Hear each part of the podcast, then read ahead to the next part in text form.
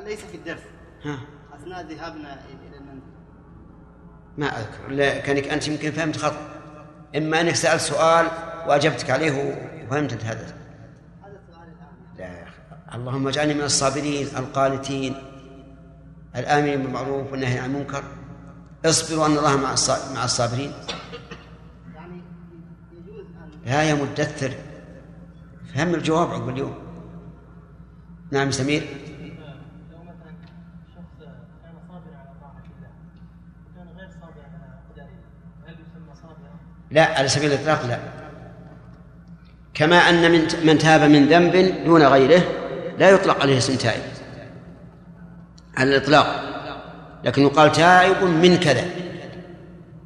وهذه نقطة ينبغي الإنسان أن يعرفها. إن الله يحب التوابين ويحب المطهرين. هل نقول مثلا الإنسان إذا أصر على معصية مع توبته منها يدخل في ذلك؟ لا. لأن الوصف المطلق إنما هو للعمل المطلق. نعم صالح.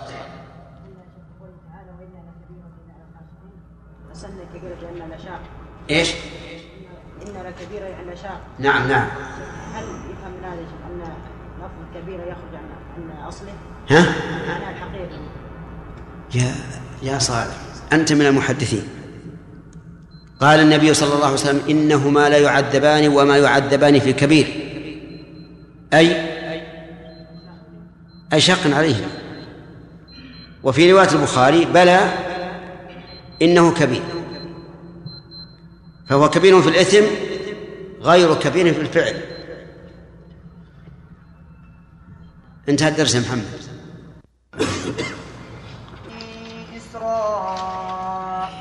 اذكروا نعمتي التي أنعمت عليكم وأني فضلتكم على العالمين.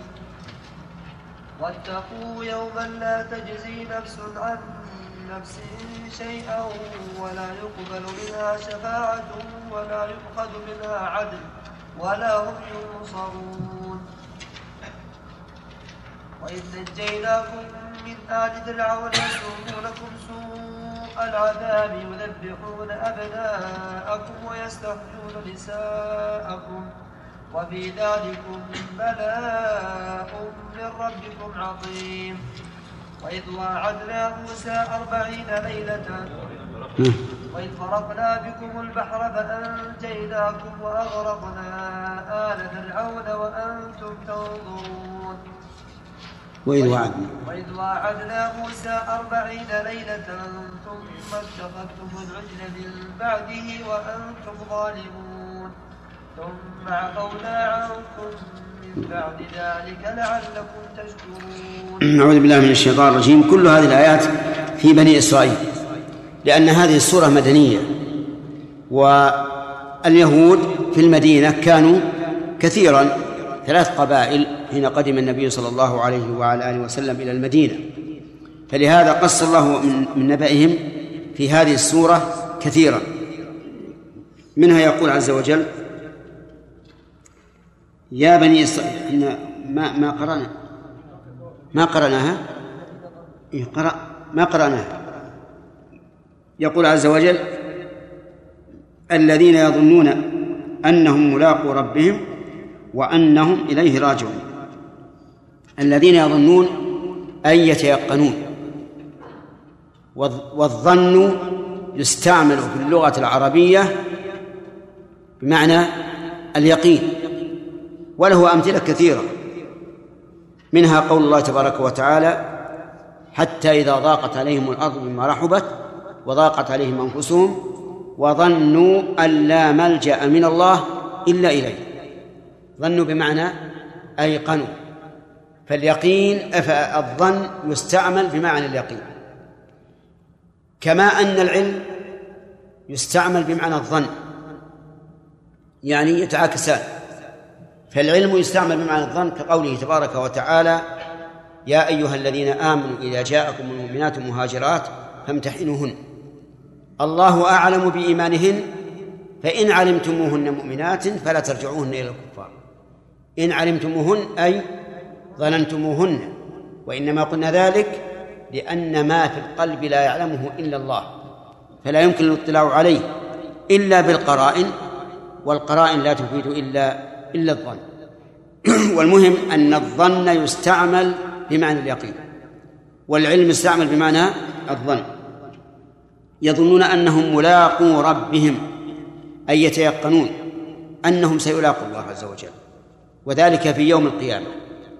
يا كما قال تعالى في عموم الناس يا أيها الإنسان إنك كادح إلى ربك كدحا فملاقيه فلا بد من ملاقاة الله. وقال النبي عليه الصلاة والسلام ما منكم من أحد إلا سيكلمه ربه ليس بينه وبينه ترجمان. كل إنسان يكلمه الله ليس بينه وبينه ترجمان فينظر أيمن منه فلا يرى إلا ما قدم وينظر أشأم منه يعني عن يساره فلا يرى إلا ما قدم وينظر تلقاء وجهه فلا يرى إلا النار تلقاء وجهه. فاتقوا النار ولو بشق تمر.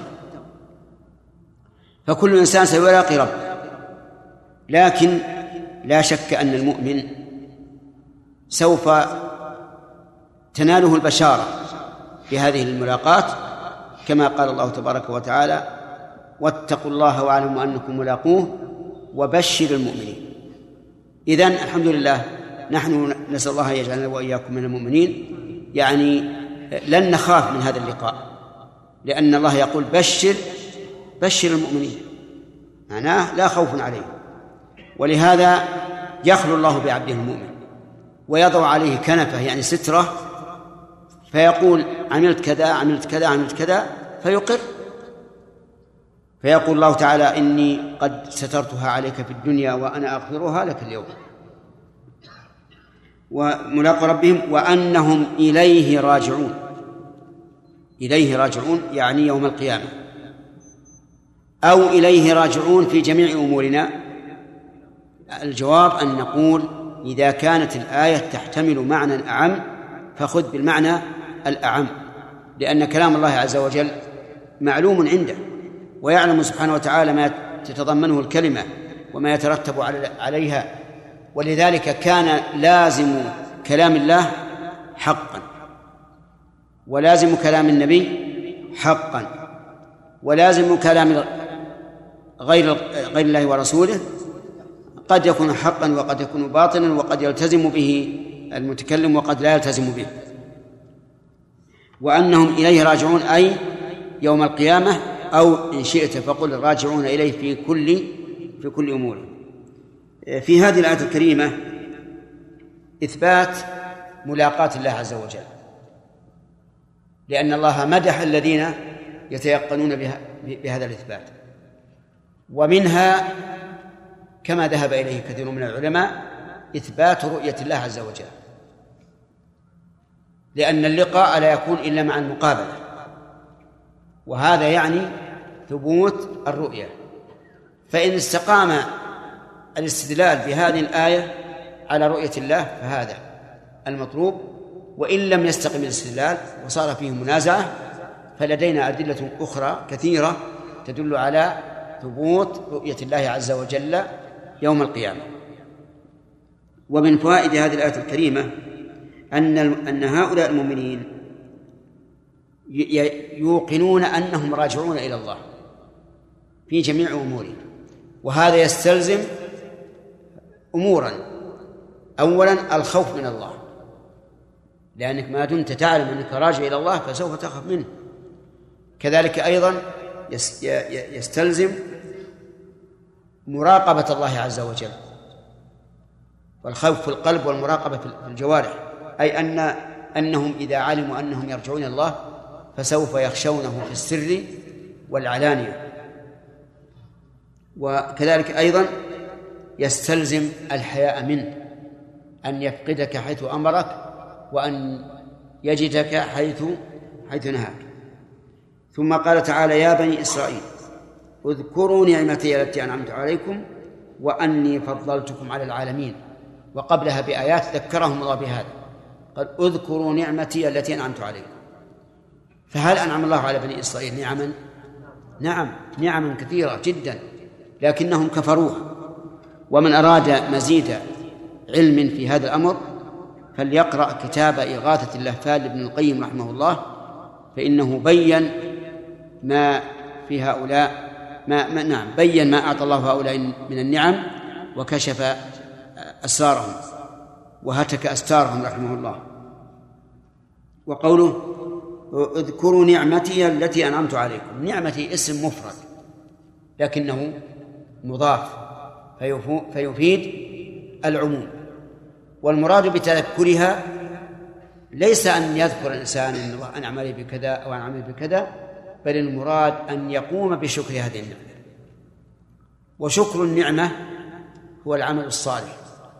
والدليل على أن شكر النعمة هو العمل الصالح قول النبي صلى الله عليه وسلم إن الله أمر المؤمنين بما أمر به المرسلين. فقال يا أيها الذين آمنوا كلوا من طيبات ما رزقناكم واشكروا لله إن كنتم إياه تعبدون. وقال في الرسل يا أيها الرسل كلوا من الطيبات واعملوا صالحا.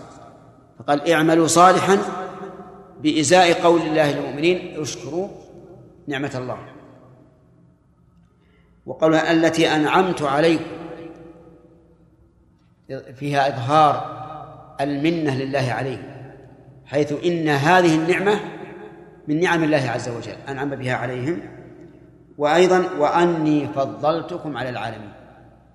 وهذا رفعة الجاه وعلو المنزلة وخصه بالذكر لأنه أعظم النعم. فإن المراتب آه يعني المراتب أفضل من العطاء. انظر إلى سورة البينة. ذكر الله في الكفار من المشركين وأهل الكتاب ذكر الله جزاءهم قبل أن يثني عليهم بالسوء. فقال إن الذين كفروا من أهل الكتاب والمشركين إيه في نار جهنم خالدين فيها. خالدين فيها أولئك هم شر البرية. أما المؤمنون فقال إن الذين آمنوا وعملوا الصالحات أولئك هم خير البرية جزاؤهم عند ربهم لأن علو المرتبة والمنزلة أعظم من كل نعيم. وهنا قال وأني فضلتكم على العالمين فعطف هذا الخاص على العام لأن تفضيله إياهم على العالمين من نعمه. لكنه خصه بالذكر بعد التعميم إشارة إلى أهميته. أن الله تعالى فضلهم على العالمين. والعالمون تطلق ويراد بها جميع الخلق. ومن ذلك قوله تعالى الحمد لله رب العالمين. المراد بالآية أخ. أنت. أي نعم. هنا الحمد لله رب العالمين. من المراد بهم؟ جميع العالمين. تمام. آه طيب. وهنا العالمين لا يراد بها كل العالم قطعا لأن الله قال لهذه لهذه الأمة كنتم خير أمة أخرجت للناس. إذا المراد بالعالمين من سبقهم أو عالمي زمانهم ففيها احتمالان. أما عالم عالم زمانهم فقطعا أن الله فضلهم على العالم وأما هذه الأمة فنقطع بأنه بأنها لم تفضل عليهم وأن هذه الأمة أفضل منهم.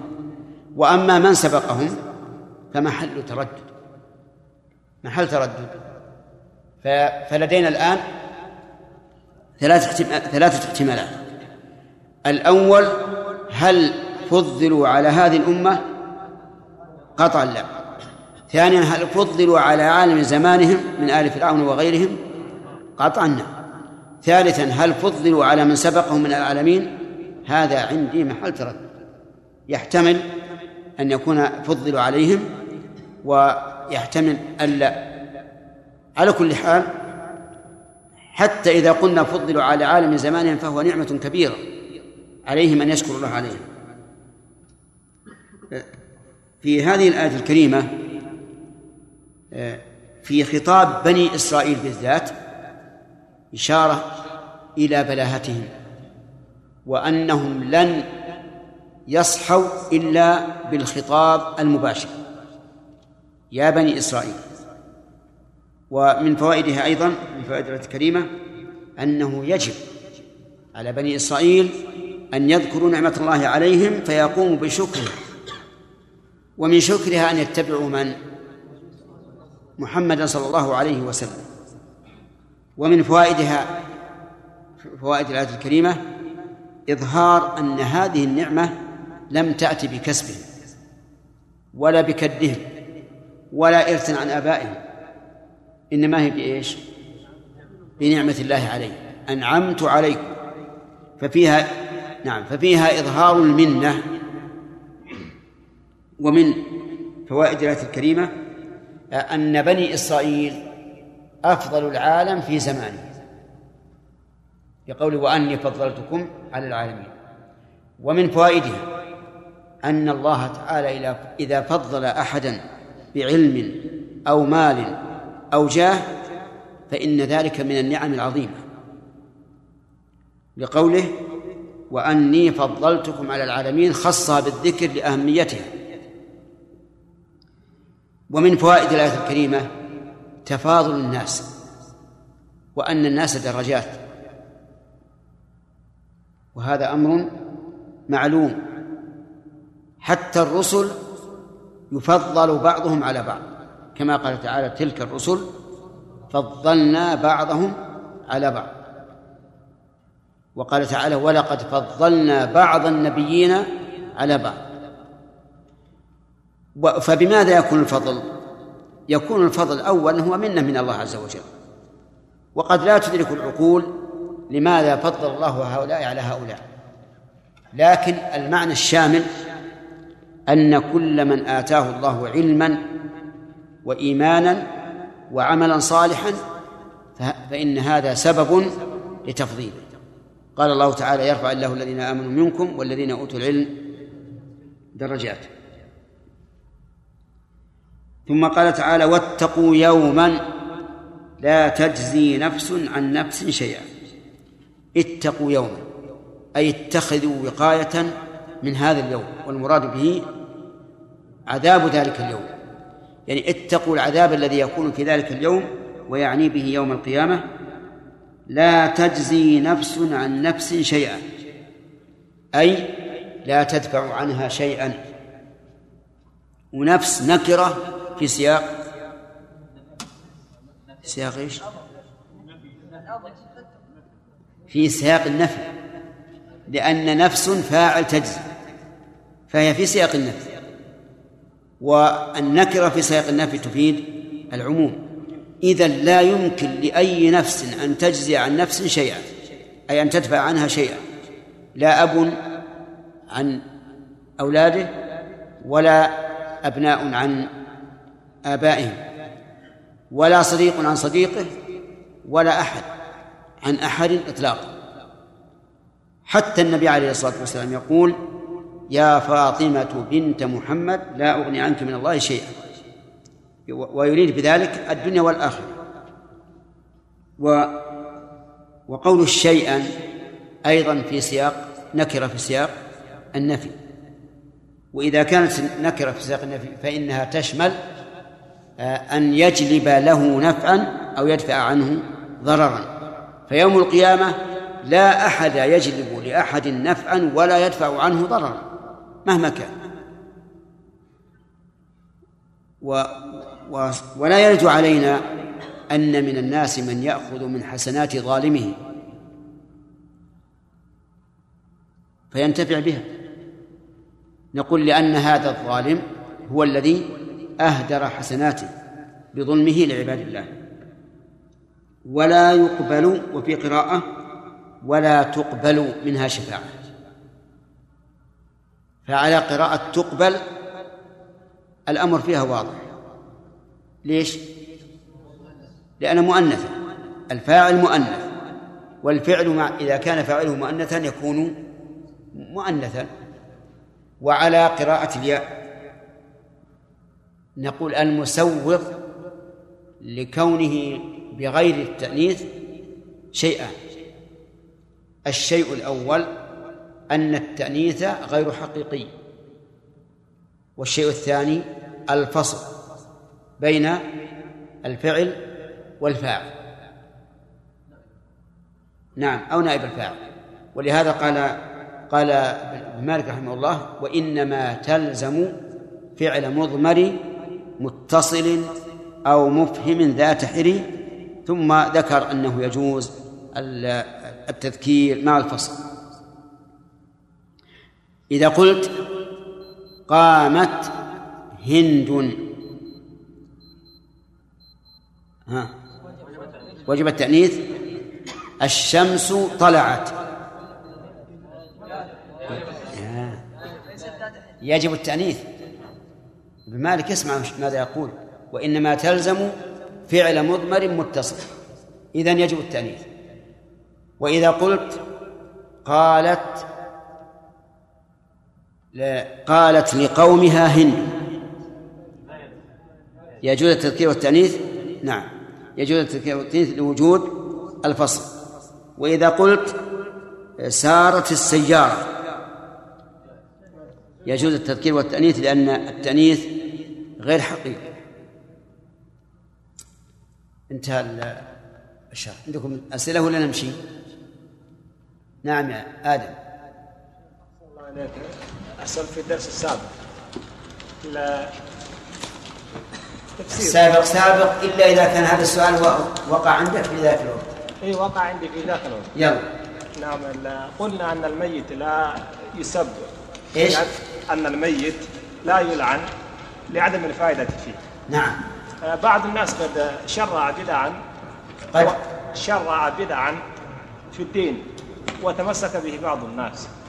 يعني فلازم فمن لازم أن من من يرد على هذه المبتدئة أن يتكلم في هذا الرجل بسوء وقد يلعنه لسوء عمله. هل له يعني وجه؟ هذا سؤال مبهم في مبهم. نعم. ألف رجل وقال رجل. إيش؟ حط شيء محدود. إي نعم. وش البدعة هذه؟ إي. الفاتح. إي نعم.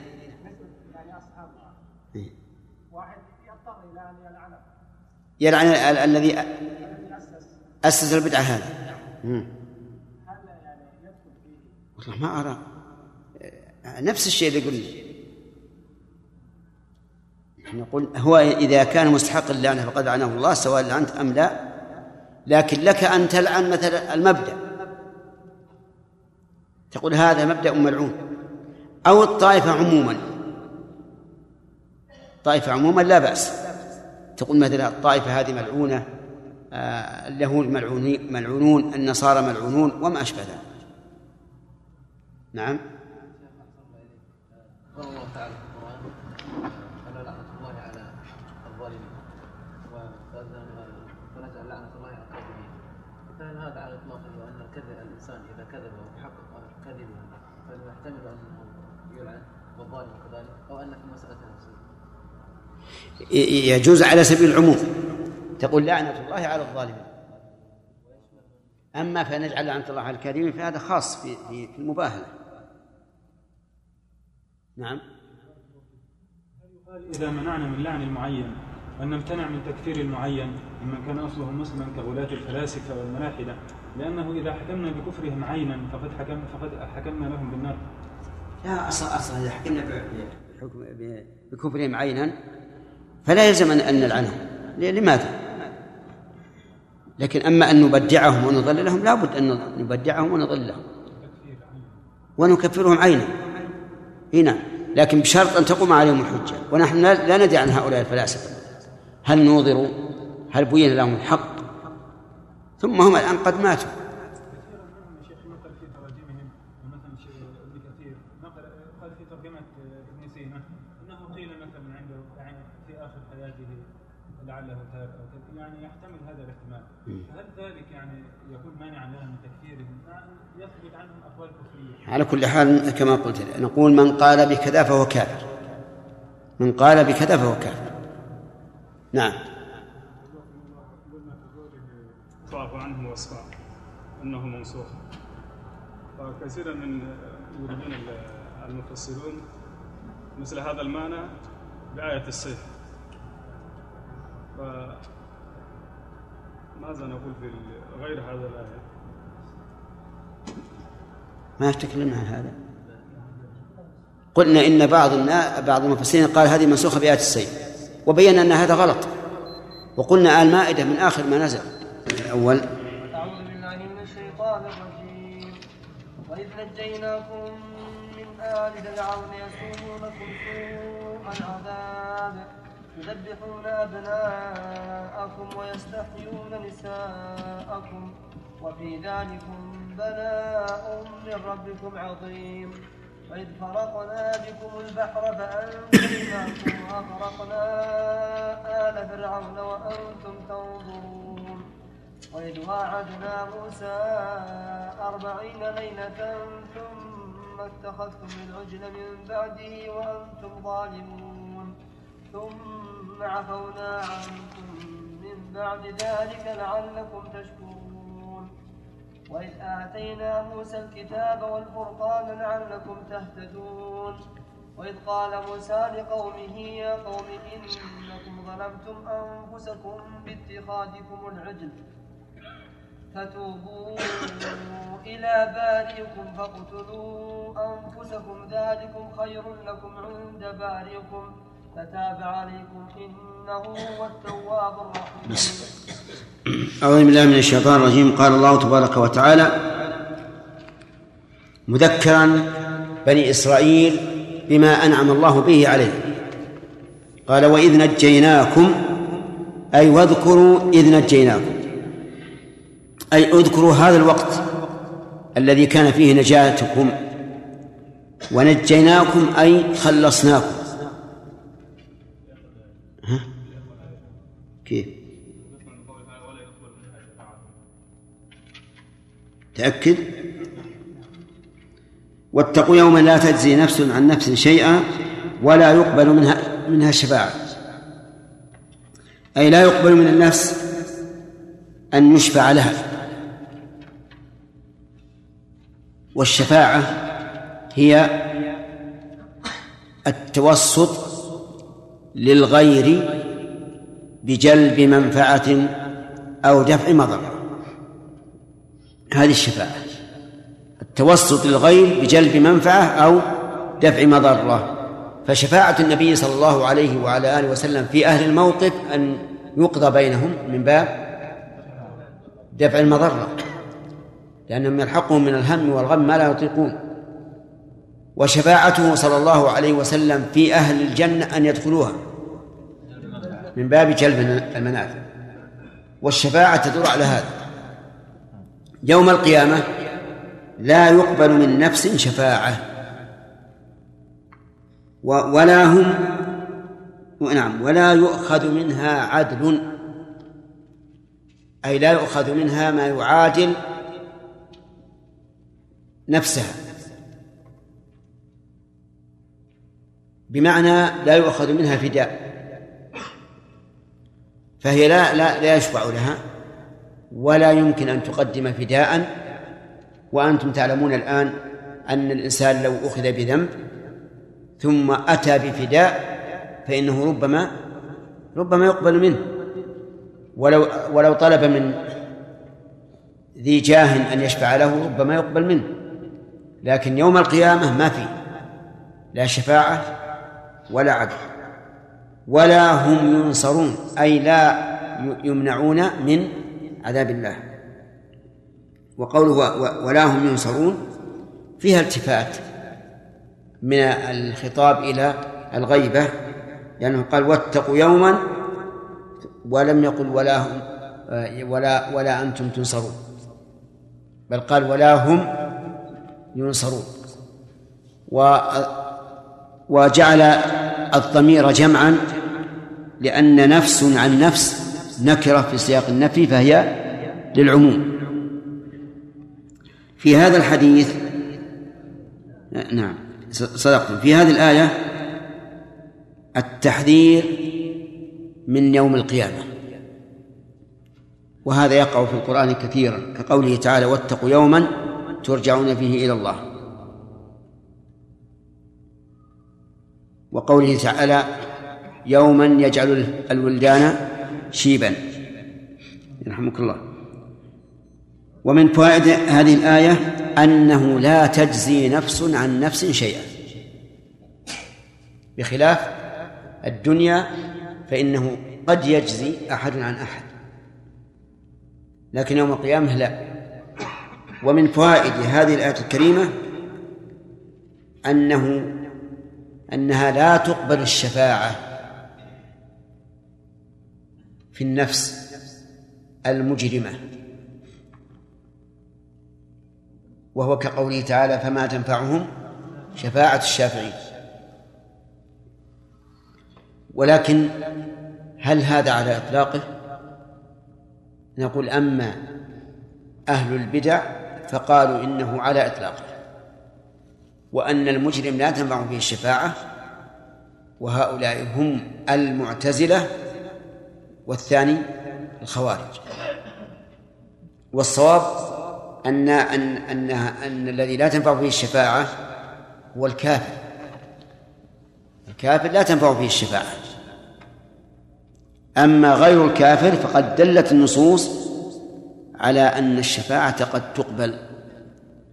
وعلى هذا فيكون العموم في قوله ولا يقبل منها شفاعة مخصوصا بماذا؟ بما دلت عليه النصوص الأخرى من كون العصاة يشفع لهم وأحاديث الشفاعة في هذا متواترة كما تلي عليكم كثيرا مما تواتر حديث من كذب ومن بنى لله بيتا واحتسب ورؤية شفاعة والحوض ومسح الخفين وهذه بعض الشاهد قوله شفاعة. ونعم ومنها ومن فوائد هذه الآية إثبات الشفاعة وأن منها ما يقبل ومنها ما ما لا يقبل.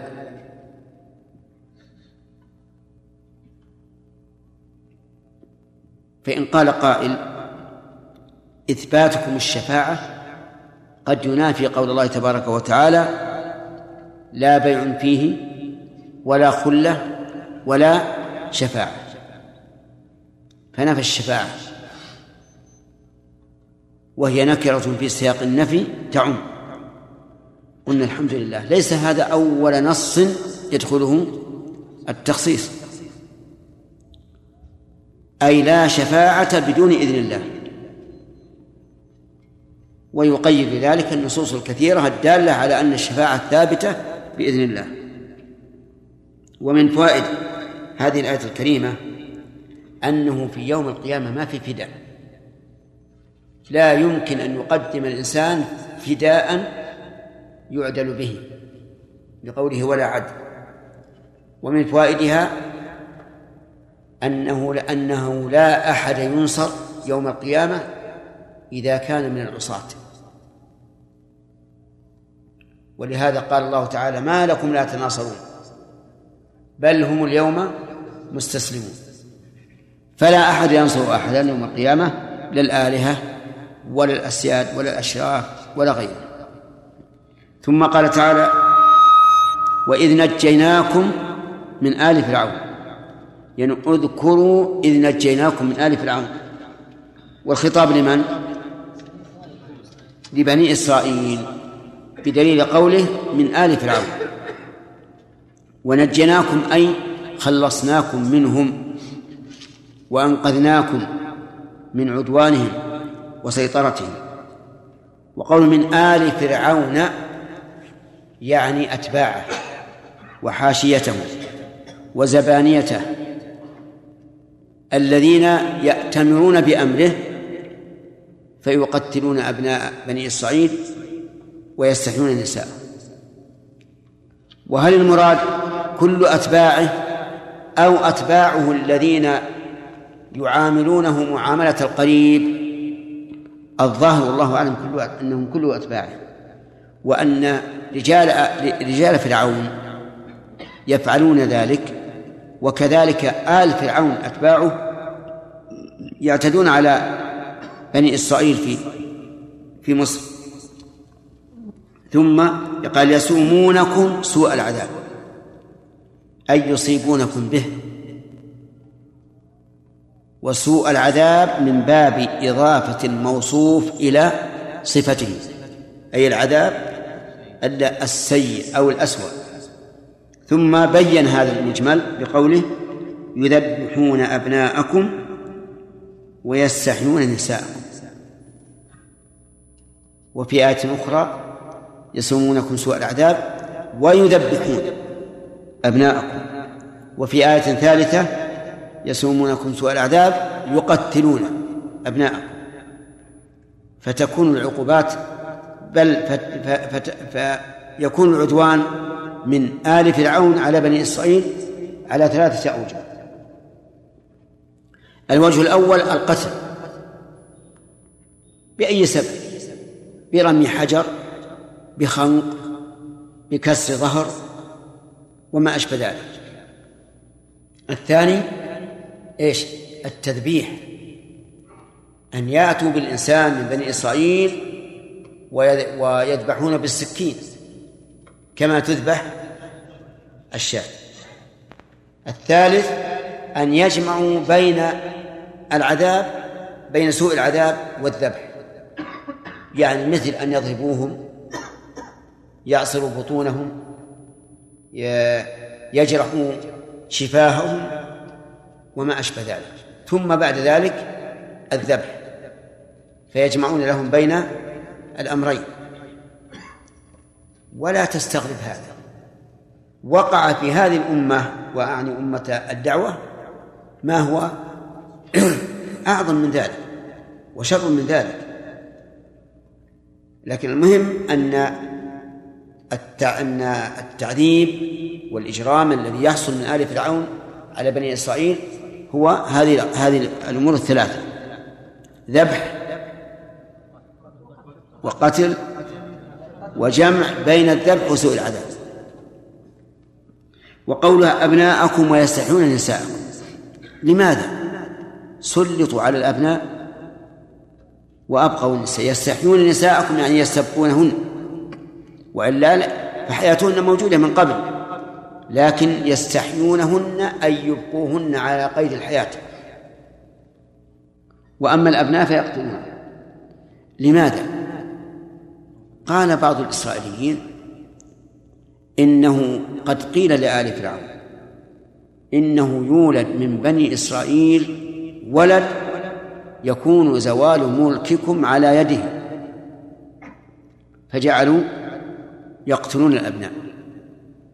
خوفا من أن يظهر ذلك الولد. فقال الله عز وجل بقوله القدري إن هذا الولد سيتربى في حضن فرعون. لأنه لما ولدته أمه أوحى الله إلى إليها أن أرضعيه. فأرضعته اللبا الذي لا بد لكل مولود من رضاعه. وقال لها إذا خفت عليه فألقيه في اليم. ابنها أوحى لما خافت عليه امتثلت أمر الله. امتثلت أمره. جعلته في تابوت وألقته في اليم أي في في البحر. وهذا من كمال إيمانها. ولكن قال ولا تخافي ولا تحزني إنا رادوه إليك وجاعلوه من المرسلين. فوقع في أيدي آل فرعون. التقطه آل فرعون ليكون له ليكون لهم عدوا وحزنا. واللام هنا للعاقبة وليست للتعليل لأن آل فرعون ما التقطوه ما التقطوه لهذا الغرض إنما التقطوه فصار عدوا وحزنا. ثم ذكر الله عز وجل القصة وليسنا لسنا بصدد سياقها لأنها معروفة وليست معنا في هذا في هذه الليلة المهم أن هذا ما قاله بعض العلماء بأخبار منقولة عن بني إسرائيل لماذا؟ ما الذي قالوه؟ اي نعم ليش يذبحون أبنائهم ويستحون النساء؟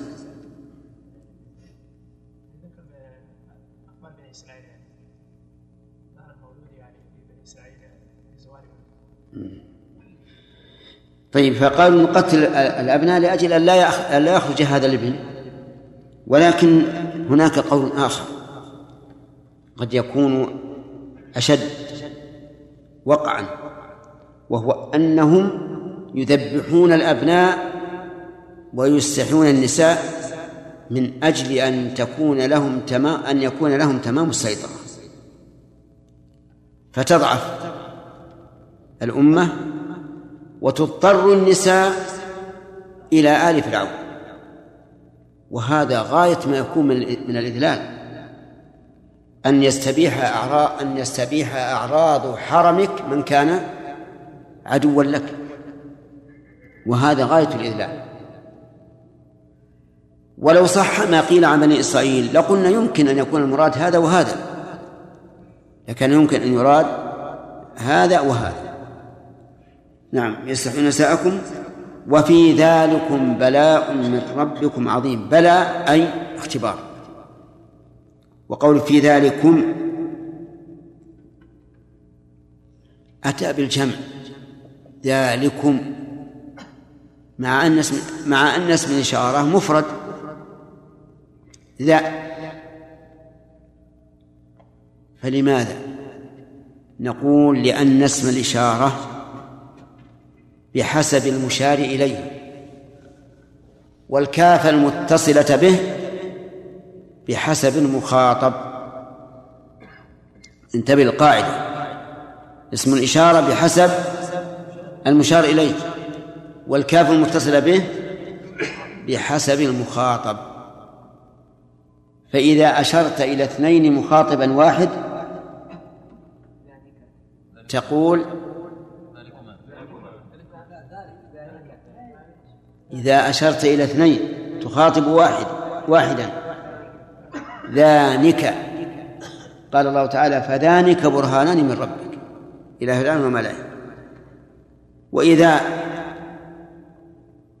أشرت إلى واحد تخاطب اثنين ما تقول يا رشاد؟ آه. أين ذهبت؟ إيه، طيب. إذا أشرت إلى واحد تخاطب اثنين. تقول ذلكم كما قال يوسف ذلكما مما علمني ربي. هنا وفي ذلكم بلاغ. المشار إليه واحد. يعني أي وفي يشير إلى العذاب. والمخاطب جماعة لأنه قال وإذ نجيناكم من آل فرعون. فقال وفي ذلكم بلاء أي اختبار ومحنة من ربكم الذي له ملك السماوات والأرض والمتصرف فيكم كما يشاء. ولهذا قال بلاء من ربكم. لم يقل من الله قال من ربكم. إشارة إلى أنه إذا كان هو الرب فله أن يفعل فينا ما يشاء. عظيم أي مستعظم مستكبر. وصدق الله عز وجل. هو بلاء عظيم. نسأل الله أن يقينا شر الفتن. يعني يسلط عليك عدو يذبحك كما تذبح يذبح الخراف ويستبقي النساء ينتهك حرمتهن ويستذلهن ويجعلهن عنده من الخدم. بينما هي ملكة في في بيتها قبل أن يذبح قيمها. هذا بلاء عظيم. نسأل الله السلامة. إلى الأسئلة. أو نستمر.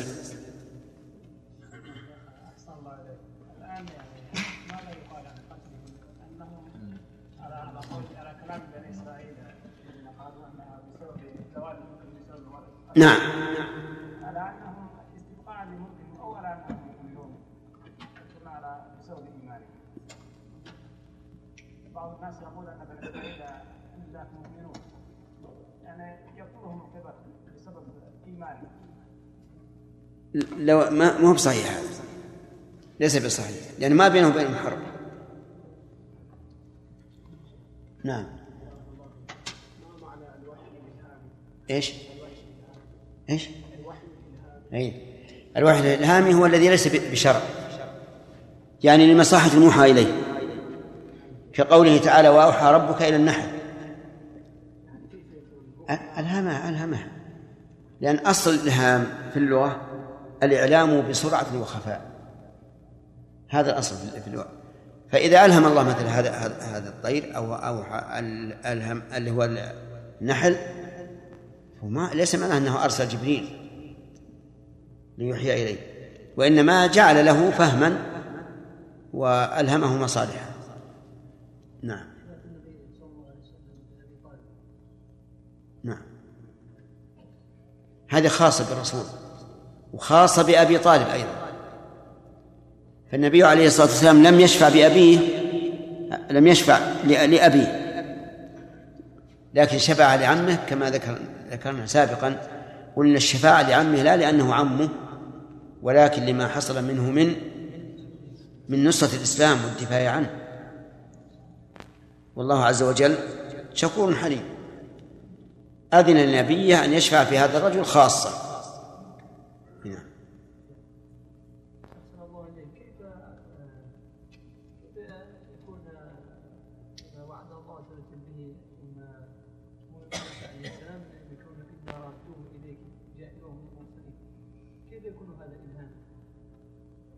أي نعم.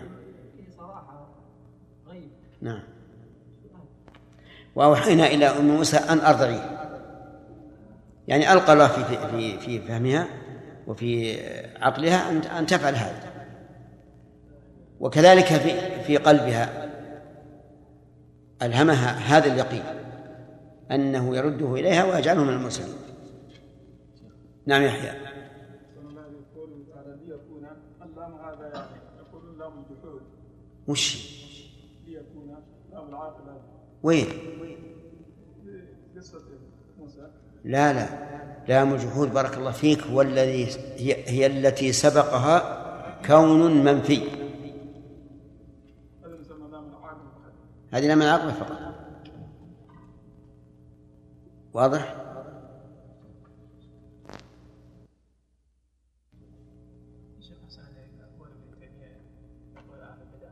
إيش؟ إيش؟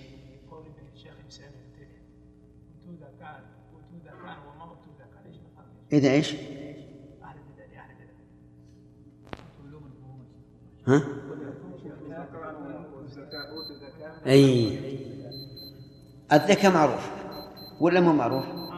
طيب من لم يعرف الذكاء فليس بذكي الذكاء معروف ولا لا؟ الزكاة زكاء النفس. يعني ما ما أعطوا أنفسهم زكاة من التزكية. وأعطوا فهوما ولم يعطوا علوما لأنه ما عندهم علم. ولذلك لا تكاد تجد في كتب أهل الكلام آية من كتاب الله يستدلون بها ولا حديثا عن رسول الله. انتهى الوقت. طيب. يذبحون أبناءكم ويستحيون نساءكم. هذه الآية يذكر الله بها بني إسرائيل. فيقول إذ نجيناكم من آل فرعون. ما كان فوائده ولا شرح؟ إيه. نعم. بس الفوائد ولا التفسير؟ نعم. قلنا في الشرح عند قوله من ربكم وفي ذلك وفي ذلكم بلاء من ربكم عظيم الشرح ما اخذنا فوائد الفوائد. اي الف... ما أخذنا من الفوائد شيئا أبد؟ ها؟ هذا الصواب. طيب. إيه، قال وفي ذلكم بلاء من ربكم عظيم. أي في فيما وقع ابتلاء من الله عز وجل عظيم.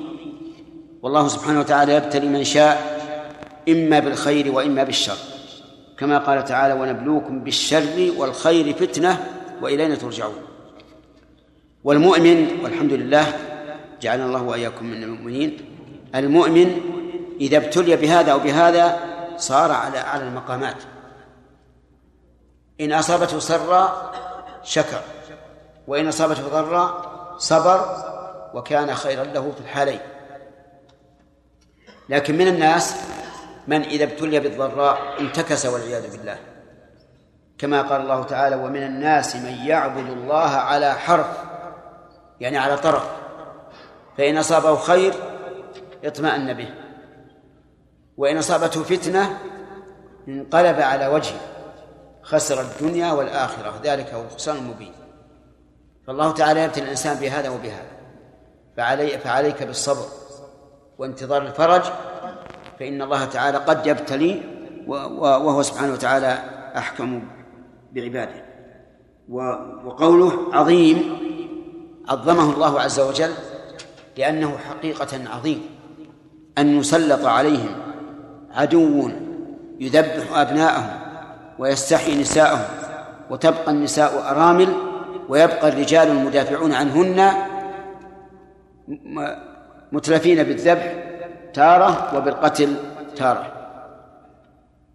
في هذه الآية من الفوائد آه، خطاب أن نعم خطاب آخر الأمة بما كان نعمة في أولها. لقوله وإذ نجيناكم ومعلوم أن الذين في عهد الرسول عليه الصلاة والسلام لم يقع هذا الإنجاء عليهم مباشرة لكنه وقع على آبائهم وأسلافهم. فيكون ما حصل لأول الأمة من الخير حاصلا لآخر هذه الأمة. وعلى هذا فلنا أن نقول نحن انتصرنا في بدر وانتصرنا في حنين وانتصرنا في غزوة الفتح. لأن نصر من سلفنا نصر لنا. ومن فوائد الآية الكريمة أنه يجب على متأخر الأمة شكر الله على نعمته على أول الأمة. لأن الله تعالى يذكرهم بهذا ليقوموا بشكر ومن فوائد هذه الآية الكريمة أن الله تعالى قد يسلط بعض الناس على بعض. بعض الناس على بعض. حيث سلط فرعون على بني إسرائيل. وهذه سنة الله في الأولين والآخرين. ولهذا لما قال لما قال الله عز وجل قل هو القادر على أن يبعث عليكم عذابا من فوقكم. قال النبي صلى الله عليه وسلم أعوذ بوجهه أو من تحت أرجلكم؟ قال أعوذ بوجهه قال أو يلبسكم شيعا ويذيق بعضكم بأس بعض. قال هذه أيسر أو قال هذه أهون. ولا شك أنها أيسر وأهون لأن الإنسان فيما يبتلى به من بأس الغير قد يدافع عن نفسه ويكون الانتصار له. لكن إذا جاء أمر من الله من فوق أو من تحت ما يستطيع. ولهذا قال الرسول عليه الصلاة والسلام هذه أيسر أو قال هذه أهون ومن فوائد هذه الآية الكريمة آه، بيان شدة حنق فرعون على بني إسرائيل حيث استعمل فيهم هذه العقوبة وهي إيش؟ ذبح الأبناء واستبقاء النساء. وهذه لا شك أن نكاية عظيمة لا بالأموات ولا بالأحياء. نسأل الله السلامة والعافية. ومن فوائد هذه الآية الكريمة أن الله تبارك وتعالى يبتلي الإنسان بما يكره ليعلم جل وعلا من يصبر ومن لا يصبر. ولنبلونكم حتى نعلم المجاهدين منكم والصابرين ونبلو أخباركم. ومن فوائد الآية الكريمة أن من مقتضى ربوبية العامة أن يبتلي الإنسان بما يكره. الربوبية الخاصة يذكر الله تعالى فيها ما يحبه المرء. والعامة تكون فيما يكره العبد وفيما يحبه العبد. لقوله وفي ذلك بلاء من ربكم عظيم. ومن فوائدها عظم هذا البلاء الذي أصاب بني إسرائيل وكذلك ما لو أصاب غيرهم فإنه من البلاء العظيم. الإنسان الأم تشهد ابنها يقتل أمامها أو يذبح كما تذبح الشاة وكذلك آه، البنت تشاهد أباها يفعل به هكذا لا شك أنه بلاء عظيم. ثم قال تعالى وإذ فرقنا بكم البحر. يعني اذكروا نعمة أخرى. حين نجاكم من آل فرعون فرق الله بهم البحر. وفرق بمعنى فصل. وذلك حين انفلق فلق البحر له. يعني فصله وفلقه حتى مروا منه فنجوا. إذ فرقنا بكم البحر. ومتى كان هذا؟ كان هذا حين أمر موسى عليه الصلاة والسلام أن يسري بمن معه من المؤمنين خوفا من آل فرعون. لأن فرعون لما رأى ما رأى من صنيع السحرة جمع الناس وقال إن هؤلاء لشرذمة قليلون وإنهم لنا لغائظون وإنا لجميع حاذرون. وجمع الناس وخرج من مصر وأوحى الله تعالى إلى موسى أن يسري أن يسري بعباده المؤمنين ليلا إلى نحو الشر. فخرج بهم فاتبعه فرعون بجنوده. ولما وصلوا إلى البحر قال أصحاب موسى إنا لمدركون. قال كلا إن معي ربي سيهدين. انظر الفرق بين قوة التوكل من موسى وضعفه من من المؤمنين مع أنهم مؤمنون.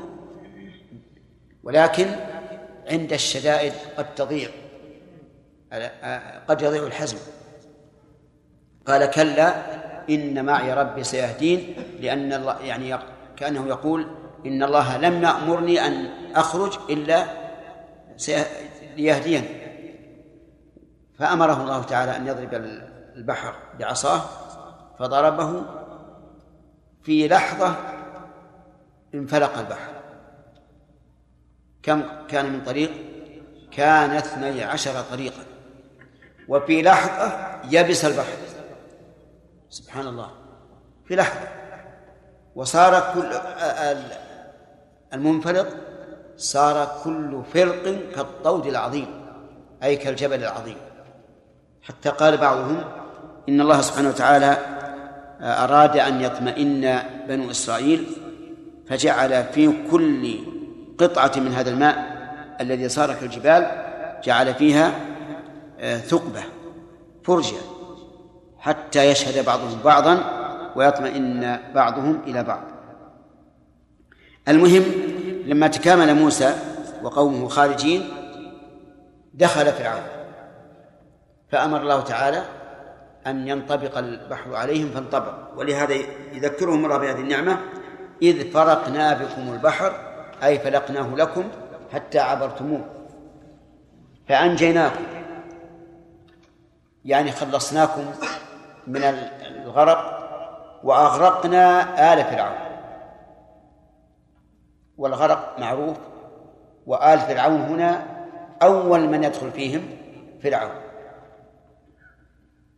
ولكنه عبر بالآل عن فرعون لئلا يظن ظان أن الغرق أو أن العقوبة اختصت بفرعون فقط فقال آل فرعون. وهذا أخصر من فرعون وآله لأن العبارة إما أن يقال وأغرقنا فرعون أو أغرقنا آل فرعون أو أغرقنا فرعون وآله. أما آل فرعون فمن المعلوم أنهم إنما أغرقوا لتبعهم فرعون. وهل يمكن أن يغرق الفرع دون الأصل؟ غير ممكن. ولهذا قال الله تعالى عن فرعون يقدم قومه يوم القيامة فأوردهم النار. وبئس الورد المورود. أغلق الله آل فرعون حتى هلكوا عن آخرهم وحين أدرك فرعون الغرق قال آمنت أنه لا إله إلا الذي آمنت به بنو إسرائيل. وأنا من المسلمين. فقيل له الآن وقد عصيت قبل وكنت من المفسدين فاليوم ننجيك ببدنك لتكون لمن خلفك آية أي لمن يبقى بعدك ولم يبقى إلا بنو إسرائيل لأن آل فرعون كلهم غرقوا وإنما نجاه الله عز وجل ببدنه ليطمئن بنو إسرائيل على غرقهم. لأن بني إسرائيل كانوا قد رهبوا منه رهبة عظيمة. فأراهم الله عز وجل بدنه حتى يتيقنوا أنه قد غرق.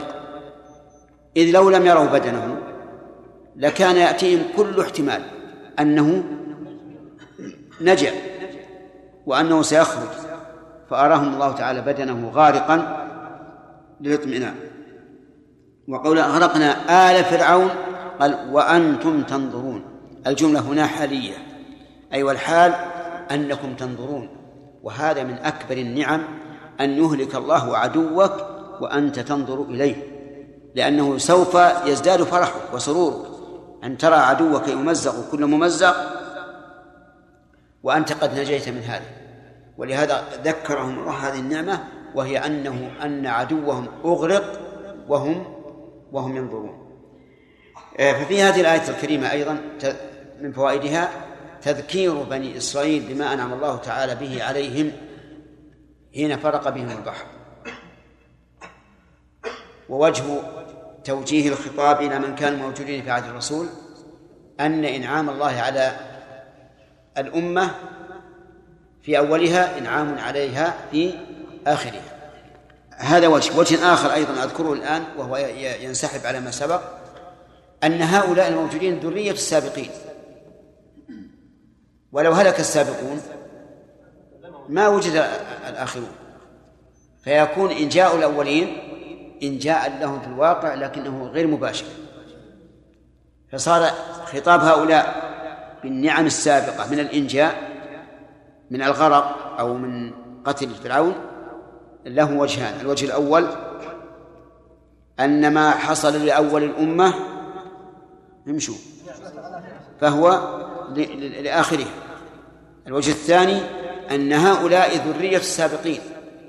ولو هلك السابقون ما بقي هؤلاء.